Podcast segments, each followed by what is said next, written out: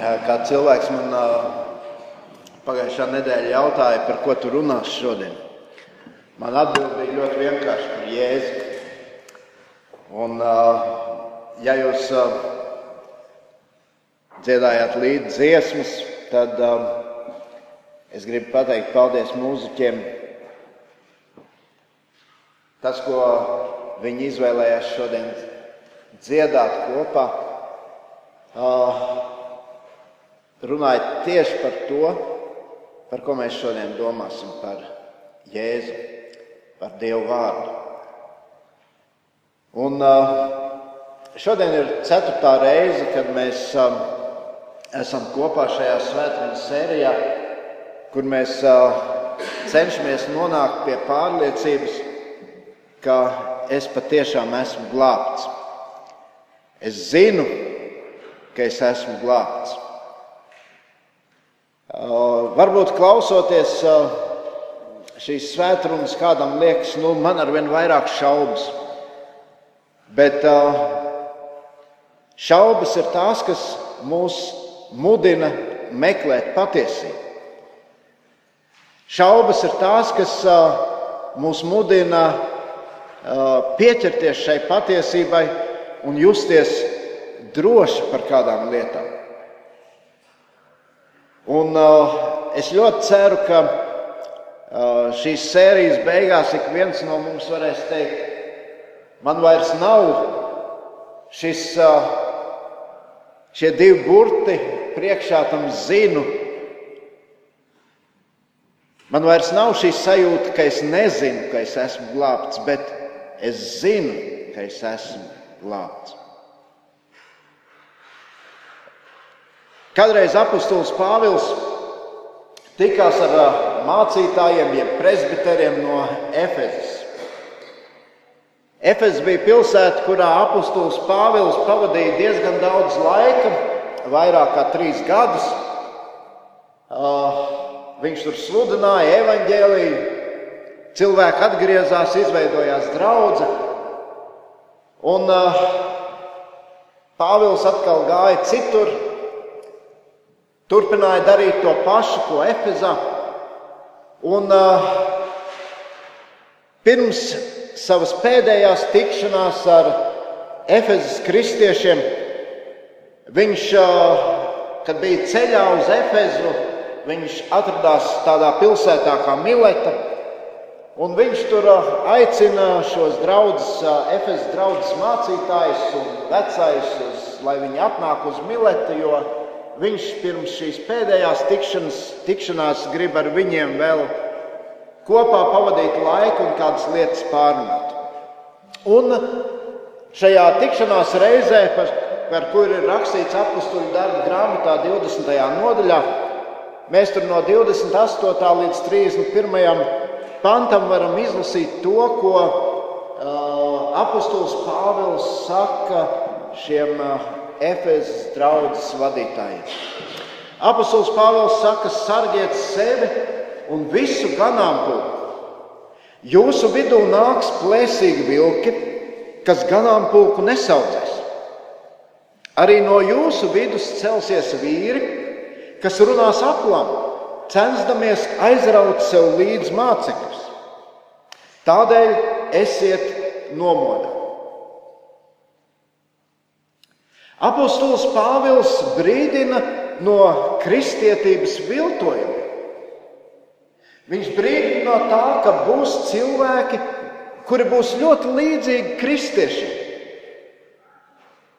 Vēl vairāk šie cilvēki būs draugi, viņi runās Dievu vārdu, viņi runās reliģiozi, bet Pāvils saka, uzmanieties, viņi nav īsti.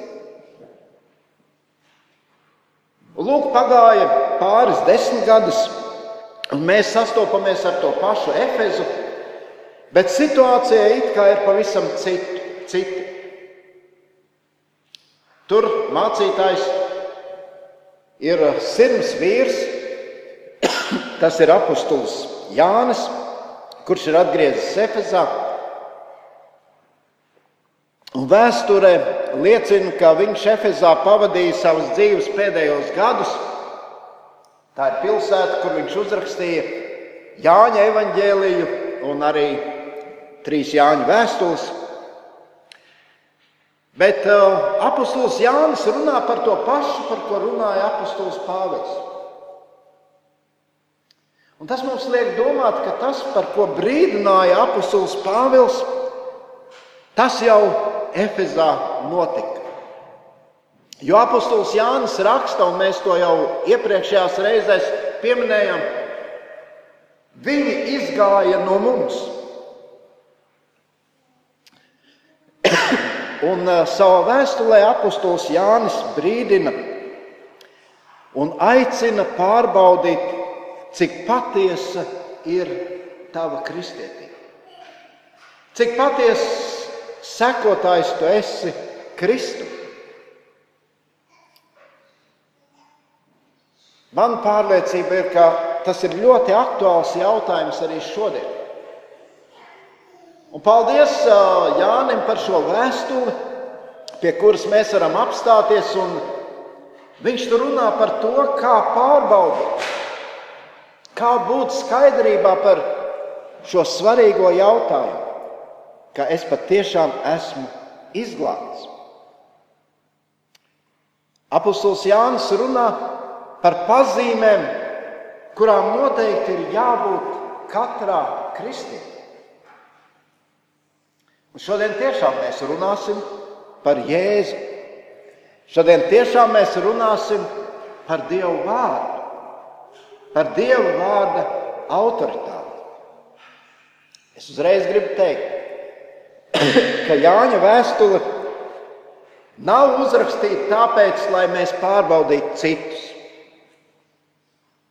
bet gan lai tu un es mēs tiktu skaidrībā par sevi. Lai katrs no mums mēs varētu atbildēt skaidri un nepārprotami. Es zinu, ka es esmu izglābts. Pirmajā reizē mēs runājam par jaunpiedzimšanu, par pestīšanas brīdi. Tas ir ļoti svarīgs brīdis, un ir ļoti svarīgi, ka mēs katrs to apzināmies. Man šis brīdis ir bijis. Es to esmu piedzīvojis. Tālāk mēs runājam par to, ka ir svarīgi ļaut Dievam izgaismot savu dzīvi. Un Dievs atklāja mums mūsu grēkus. Ir svarīgi tos ieraudzīt, tos atzīt un nožēlot. Nevis tikai tā vispārīgi, bet Bībele runā, ka ir svarīgi atzīt un nožēlot katru konkrētu grēku. Un tad tālāk apustulis Jānis runā par to, ka ja šīs lietas ir tavā dzīvē, ja tu esi piedzīvojis šo brīdi, kad Kristum tu nodevi savu dzīvi, kad tu nožēloji savus grēkus, tad kaut kam noteikti par to tavā dzīvē ir jāliecina. Kaut kas noteikti to parādīs. Savā laikā, uh, paralēli mācītāja darbam, es strādāju arī par mērnieku. Mērīju laukos zemi, spraudu robežas, staigāja kopā ar saimniekiem pa viņu zemes platībām, kādam atrada vecās robežas, kāds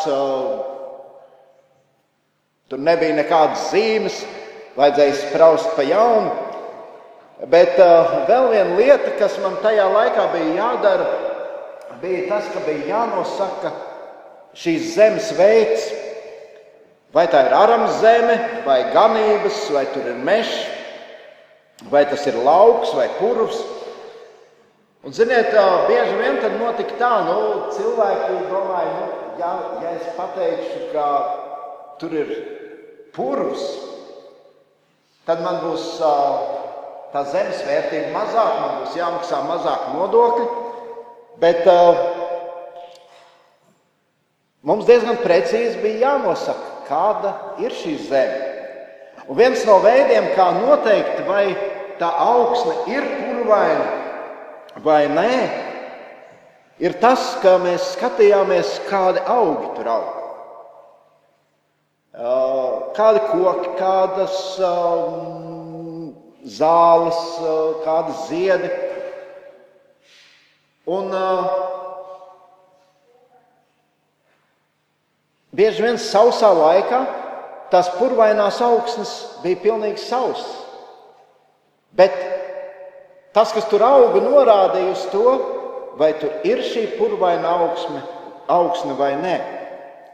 Un, uh, es domāju, tieši tāpat ir arī ar mūsu glābšanu. Ja tu esi glābts, tad noteikti kaut kas par to liecinās. Būs augļi. Un, uh, mēs jau zinām, kā arī Jēzus saka, saka šos pašus vārdus, kāpēc augļiem jūs pazīsiet. Pagājušajā svētdienā mēs kopā ar Markus domājām par vienu no lietām, kam noteikti vajag būt katrā kristietī, un tas ir mīlestība uz Dievu. Kas bija tie trīs āķīši, ko Markus teica? Kam pierakst var apskatīties?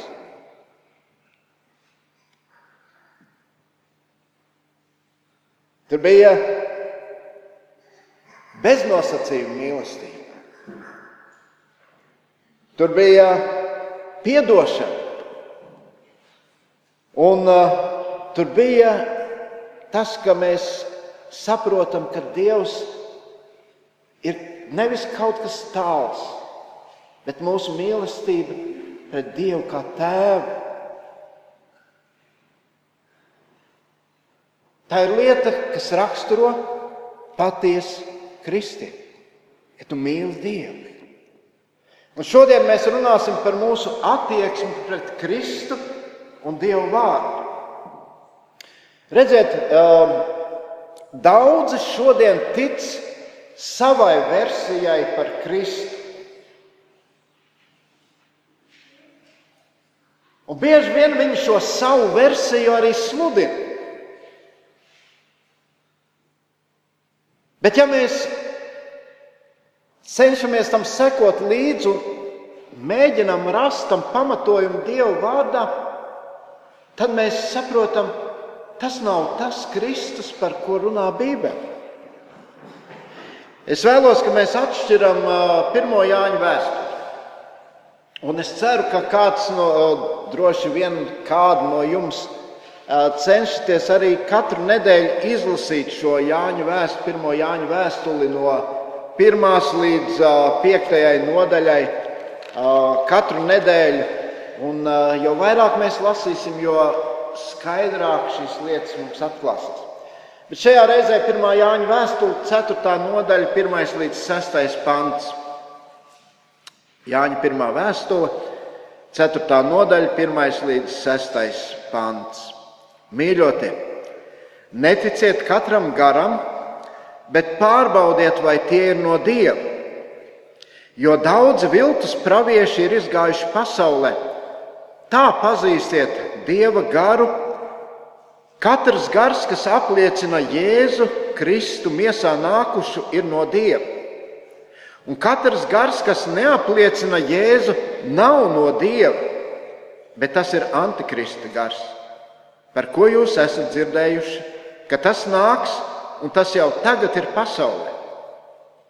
Bērniņi, jūs esat no Dieva un tos esat uzvarējuši.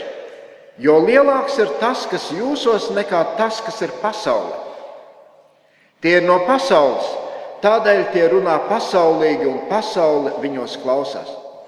Mēs esam no Dieva, un kas pazīst Dievu, tas dzird mūs, kas nav no Dieva, tas nedzird mūs.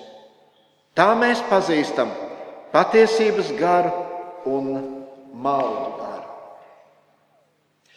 Apostols Jānis ļoti interesanti runā par to, ka ir divi avoti, kā mēs saprotam Jēzu Kristu. Tas viens avots nāk no apstuļiem. Apstuļiem, kas bija liecinieki tam, ko Jēzus darīja. Un Jānis tur vairāk kārt saka šos vārdus. Mēs redzējām, mēs dzirdējām, mēs aptaustījām, mēs pavadījām ar viņu laiku. Viņš mums mācīja. Un tad otrs avots ir, no kura nāk tas, otrs avots, no kura nāk tas, kā mēs saprotam Kristu, ir šī pasaule. Un šī pasaule saka, ka Jēzus bija parasts cilvēks, kurš vienkārši ar savām spējām spēja aizraut citus cilvēkus. Un tad, nu, lūk, apustulis Jānis cenšas skaidrot, ka nākot pie Kristus, tev ir jānorobežojas no, šīs, no šī pasaules uzskata par Jēzu Kristu. Ja tas nenotiek, tad ir vietas šaubām par tavu glābšanu. Ja tas nenotiek, tad ir vietas šaubām, vai tu tici tam īstajam Kristum. Ļoti interesanti, ka agrāk, jau agrāk pirms apakstuļa Jāņa, apustulis Pāvils raksta Timotejam, kurš kādu laiku bija arī mācītājs Efezā. Un pirmā vēstulē Timotejam, 4. nodaļā, no 1 līdz 5 pantam, apustulis Pāvils raksta: Gars skaidri saka, ka vēlākos laikos daži atkritīs no ticības un pievērsīsies maldu gariem un dēmonu mācībām, ko izplatīs liekulīgi meļi, kurus, kurus sirdsapziņā iededzināta zīme. Viņi aizliegs precēties, liks atturēties no ēdiena ko Dievs ir radījis, lai tie, kas tic un ir atzinuši patiesību, to uzņem ar pateicību. It viss, ko Dievs radījis, ir labs un ar pateicību saņemams. Un nekas nav atmetams, jo tas viss tiek svētīts caur Dievu vārdu un lūgšanu. Redziet, bija ļaudis, kuriem sacīja, nu, ja tu gribi būt īsts kristietis, tu nedrīkst precēties. Ja tu gribi būt īsts kristietis, Tu nedrīkst ēst to un to. Un tas notika draudzē. Un apustulis Pāvils tad ļoti skarbi vēršas pret šiem cilvēkiem un saka, tas nav evaņģēlijs. Pāvils saka, tā ir demoniska mācība. Izlasīsim Jāņa evanģēlīja 20. nodaļu, 30. līdz 31. pants. Jāņa evanģēlijas 20, no 30. līdz 31. Vēl daudzas citas zīmes Jēzus darīja savu mācekļu priekšā, par kurām šajā grāmatā nav rakstīts. Bet šīs ir rakstītas, lai jūs ticētu, ka Jēzus ir Kristus, Dieva dēls, un lai jums, kas ticat, būtu dzīvība viņā vārdā, viņa vārdā. Tas pats Jānis, kurš rakstīja Jāņa vēstuli, Jāņa evanģēlīja raksta un saka, tas, kas ir rakstīts šeit, ko es jums rakstu, ko apstuļi raksta, ir darīts tāpēc, lai jūs zinātu šo reālo Jēzu.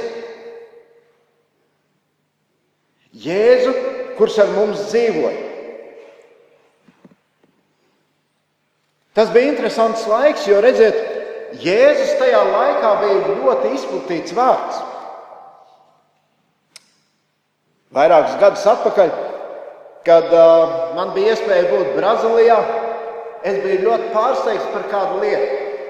Mēs braucām pa ceļu, un uh, ļoti daudz mašīnas brauc un uh, Viņiem tur līdzīgi tā kā mums ir tas ziltiņas mašīnām aizmugurē pie, pie stikerīša, kas nu, apliecina, kas ir kristietis, kas brauc ar šo mašīnu. Tad uh, Brazīlijā uz daudzām mašīnām aizmugurē ir rakstīts Jēzus. Un uh, man pārliecība bija, droši vien viņi tā apliecina, ka viņi ir kristieši. Bet izrādās, ka Tā automašīnas vadītāja vārds ir Jēzus.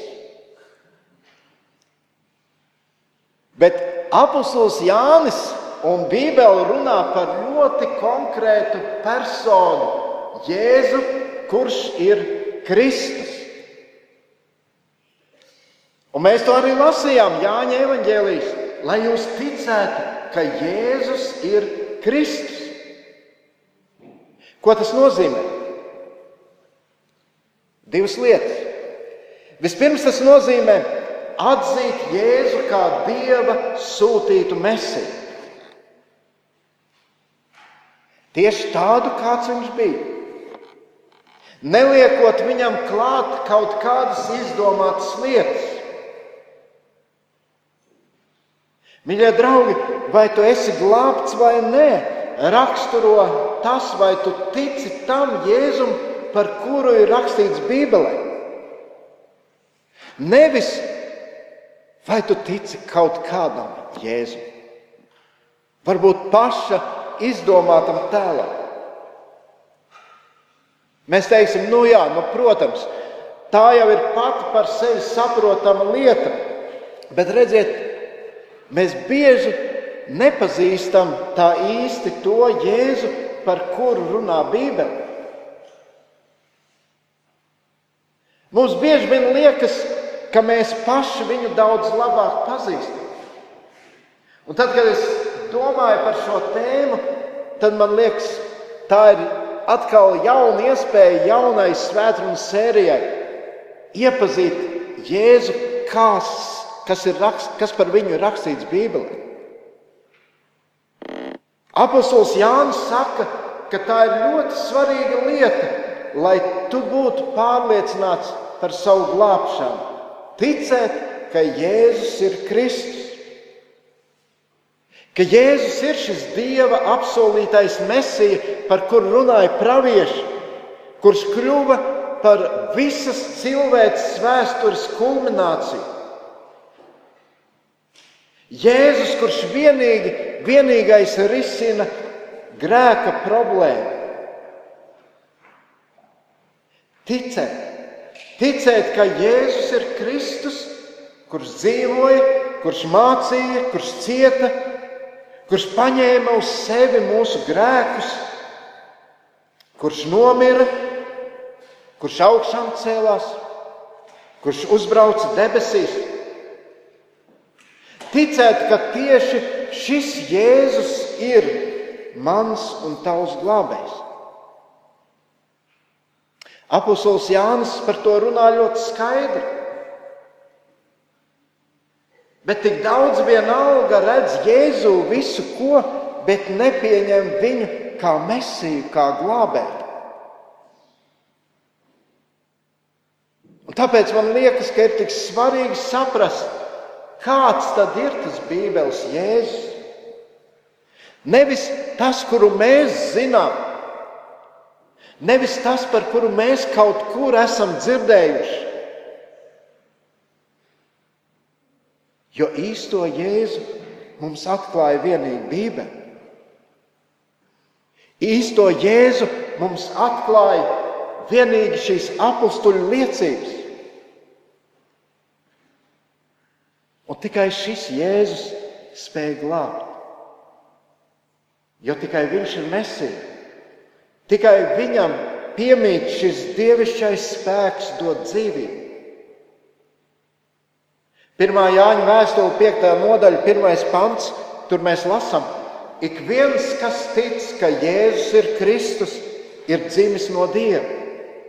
Un ik viens, kas mīl Dievu, kas viņu ir dzemdinājis, mīl arī to, kas ir no Dieva dzimis.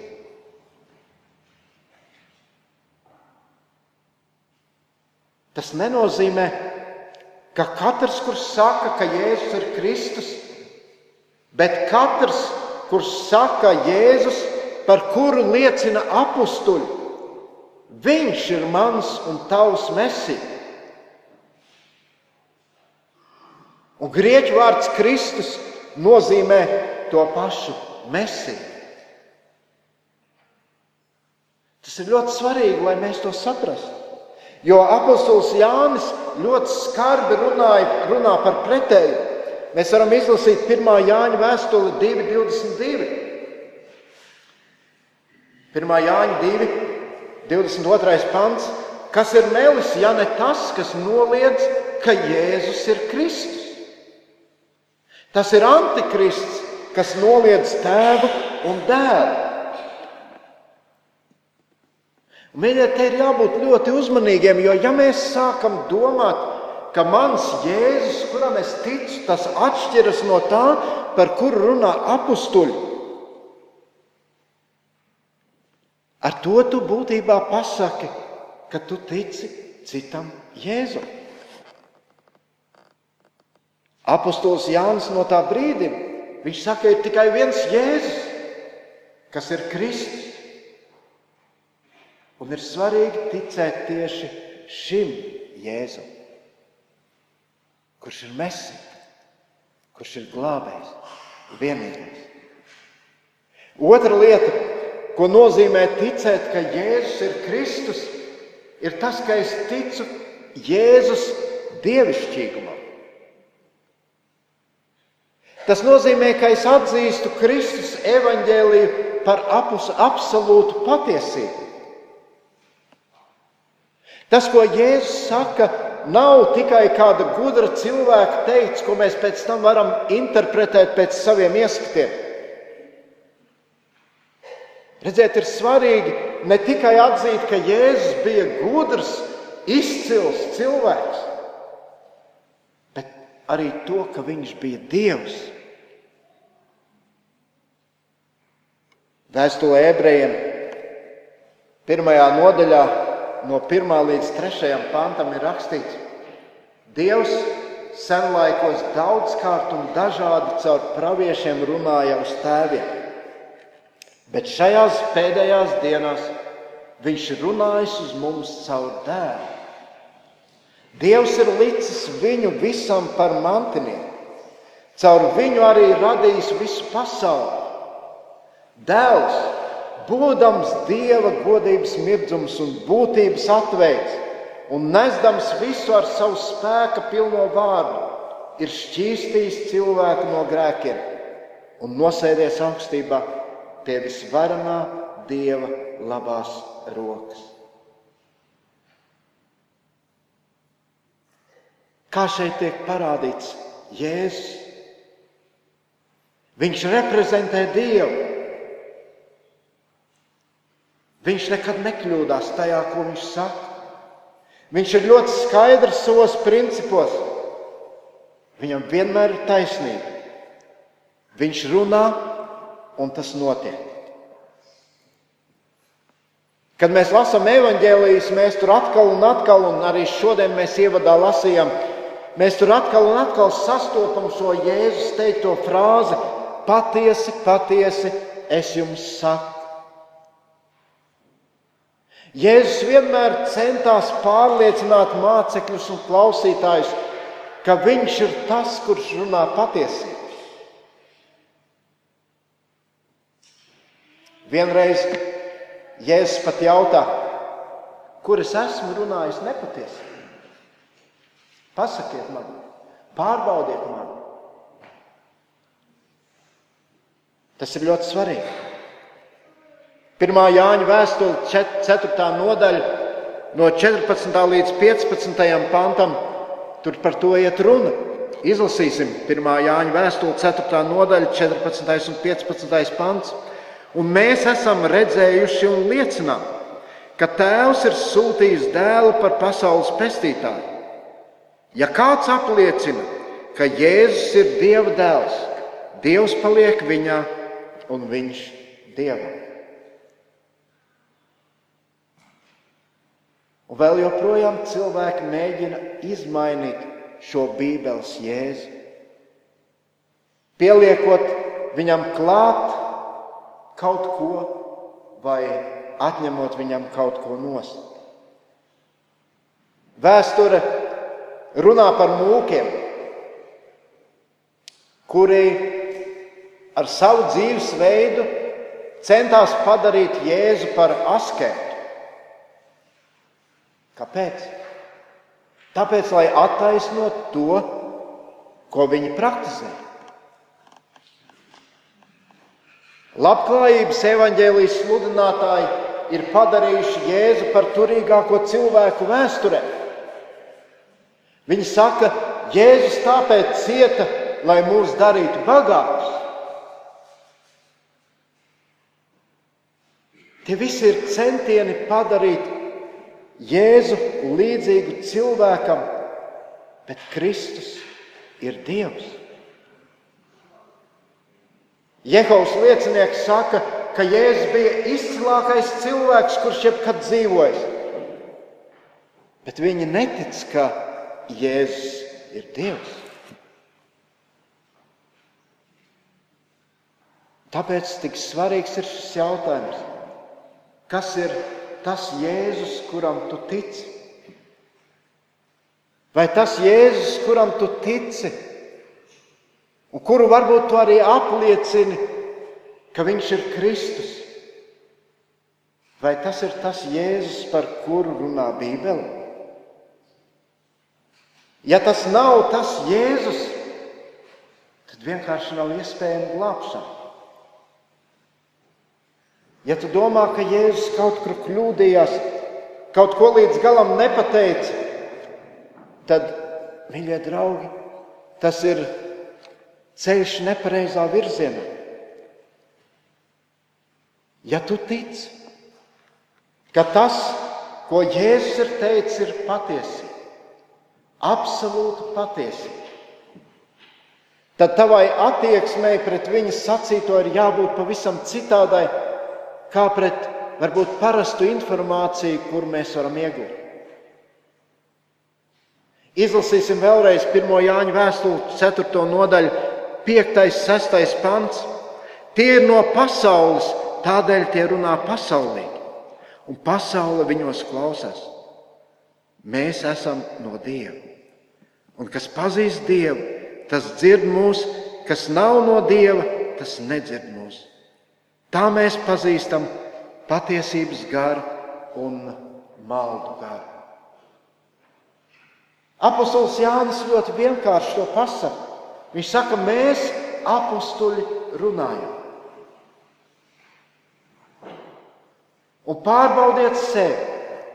Ja jūs pieņemat to, ko mēs sakām, tad jūs pazīstat īsto Kristu. Ļoti vienkārši pārbauda. Ja tu pieņem Bībelē sacītu, ja tu dzīvo pēc šiem principiem, tas liecina par tavas ticības īstumu. Redziet, mēs bieži vien vērtējam cilvēku ticību pēc dažādiem kritērijiem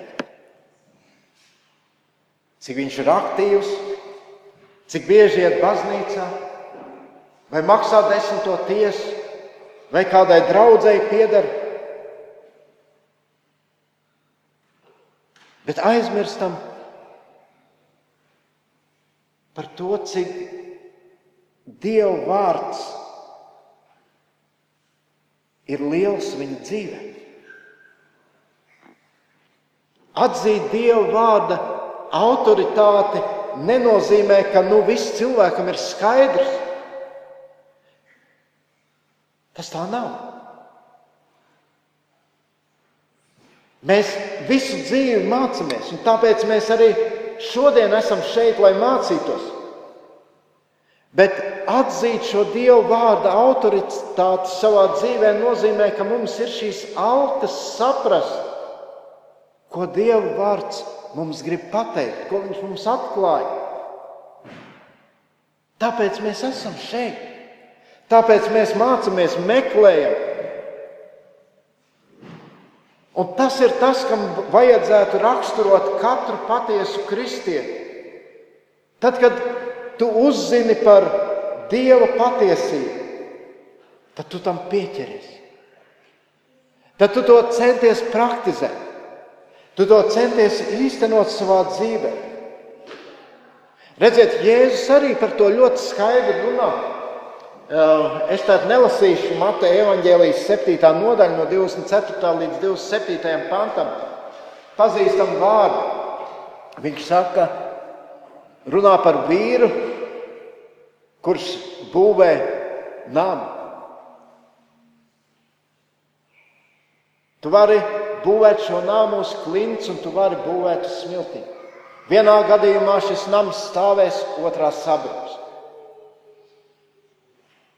Un, ja es saku, kas manus vārdus dzird un dara, tas ir līdzināms vīram, kas būvē namu uz klints. Un interesanti, kas manus vārdus dzird un nedara, tas būvē namu uz smiltīm. Arī apustulis Jānis par to runā savā vēstulē atkal un atkal. Mēs varam izlasīt 1. Jāņa 5, 9, 9 un 10 pantu. 1. Jāņa 5. nodaļa, 9 un 10 pants. Ja mēs cilvēku liecību pieņemam, tad Dieva liecība ir lielāka. Un šī ir Dieva liecība, jo Viņš ir liecinājis par savu dēlu. Tam, kas tic Dieva dēlam, ir liecība sevi. Kas netic Dievam, tas viņu padara par meli, jo netic tai liecībai, ar kur Dievs ir liecinājis par savu dēlu. Mēs varam paņemt avīzi, izlasīt to žurnālu, izlasīt to, ieiet kādā internetu portālā, izlasam kādu ziņu, un mēs automātiski jau pieņemam, ka tas tā ir. Es šeit nedomāju dzelteno presi un dažādas plāpu lapas, vai ne, bet um, nopietnus žurnālus, avīzes, portālus. Mēs to pieņemam kā patiesību, kā īstenību. Kā mēs attiecamies pret to, ko Dieva vārds mums saka. Mēs piedzīvojam avīzes laso, lasot, ka tur bieži vien šie žurnālisti kļūdas. Bet ko Dievs saka caur savu vārdu, tā ir absolūta patiesība. Apostols Jānis Skarbi saka, ja tu netici tam, ko Dievs saka, tu viņu padari par meli. Tāpēc, mīļie, neatieksimies viegli prātīgi pret to, ko saka Dieva vārds. Negaidīsim, ka nu varbūt jau Kristus būs ievērojis kādu manu centību kādās lietās, Un tad jau cerams, viņš aizliks kādu labu vārdu par mani.